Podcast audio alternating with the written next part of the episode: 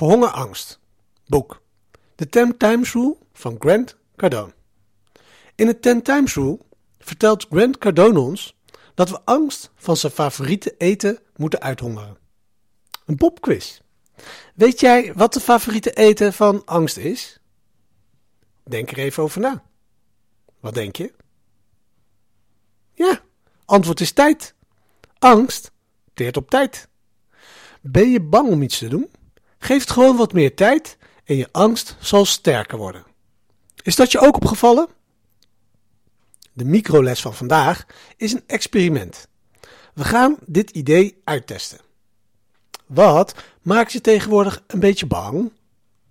Schrijf het op. Yes? Oké. Laten we je angst op een hongerdieet zetten. Ga doen wat gedaan moet worden. Voer het telefoontje of stel het e-mailbericht op en verstuur deze.